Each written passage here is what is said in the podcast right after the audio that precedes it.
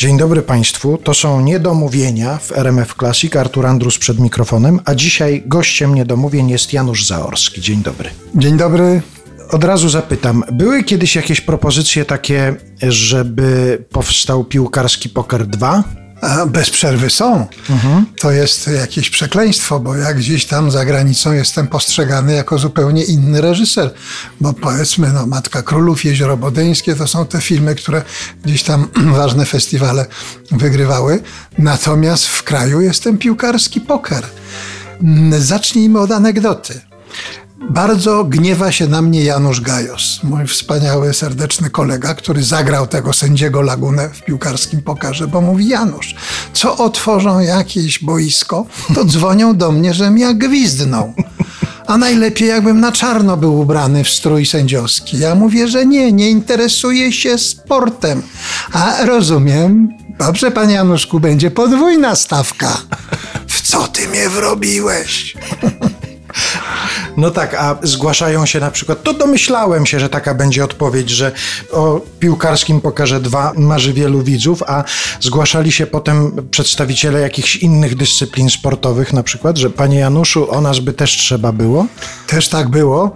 E, rugby się zgłosiło, ale nie jestem wprowadzony w tę dyscyplinę, a poza tym cały czas to było na etapie, kiedy myślałem, że powiedzie się druga część piłkarskiego pokera. Trzy podejścia były, nie mówiąc o tym, że miałem jakieś propozycje bardzo, bardzo dziwne z podejrzanymi pieniędzmi. E, wystraszyłem się tego. Także czkawką temat wraca, ale ja myślę, że tyle lat minęło, że jeśli już, to tylko z inspiracji mogłoby być. Młoda widownia, ona wypełnia kina no nie chcę oglądać starszych ludzi. Niestety Gajos, Opania, ci główni bohaterowie, no film 33 lata temu powstał. No i jak wspomniałeś, jakie konsekwencje ponosi Janusz Gajos po zagraniu To się nikomu Laguny, nie śpieszy.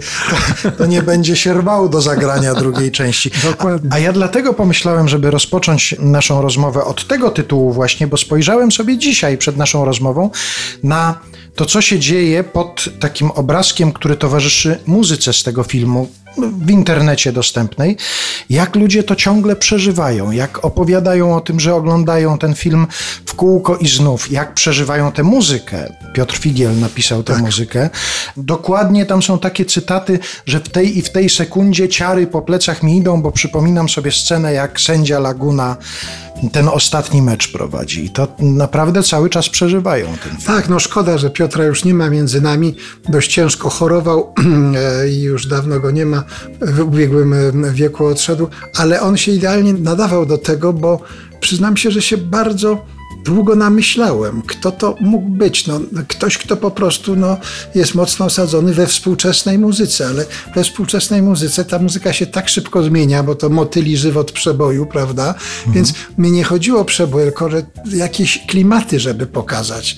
I dość zaprzeczająca sobie, bardzo agresywna, ruchliwa, powiedzmy rockowa, pod mecze piłki, a z drugiej strony subtelna, romantyczna, podwątki e, osobiste i tak dalej, i tak dalej. No, Piotrek miał łapę nabitą, jak to się mówi i, i, i, i myślę, że, że miał szczęście do kina, nie brali go. Ja nie wiem dlaczego reżyserzy. U nas to takie mody były, wszystko Kilar pisał. Oczywiście Kilar, wielki kompozytor, przecież on pisał i dla Kuca, i dla Wajdy, i dla Zanussiego i te wszystkie filmy, ta muzyka była fantastyczna. To jest dla mnie absolutnie numer jeden w naszym środowisku i długo, długo nic, aczkolwiek mamy przecież i laureatów Oscara, Jan A.P., prawda?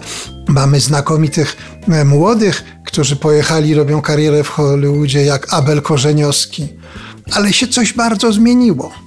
Już nie ma, jak to się mówi, długich nut. Ja ostatni film, który robiłem z Krześmirem Dębskim, to on mi dziękował, że on mógł jeszcze skomponować dłuższe fragmenty, dwu, trzyminutowe, że teraz już nie.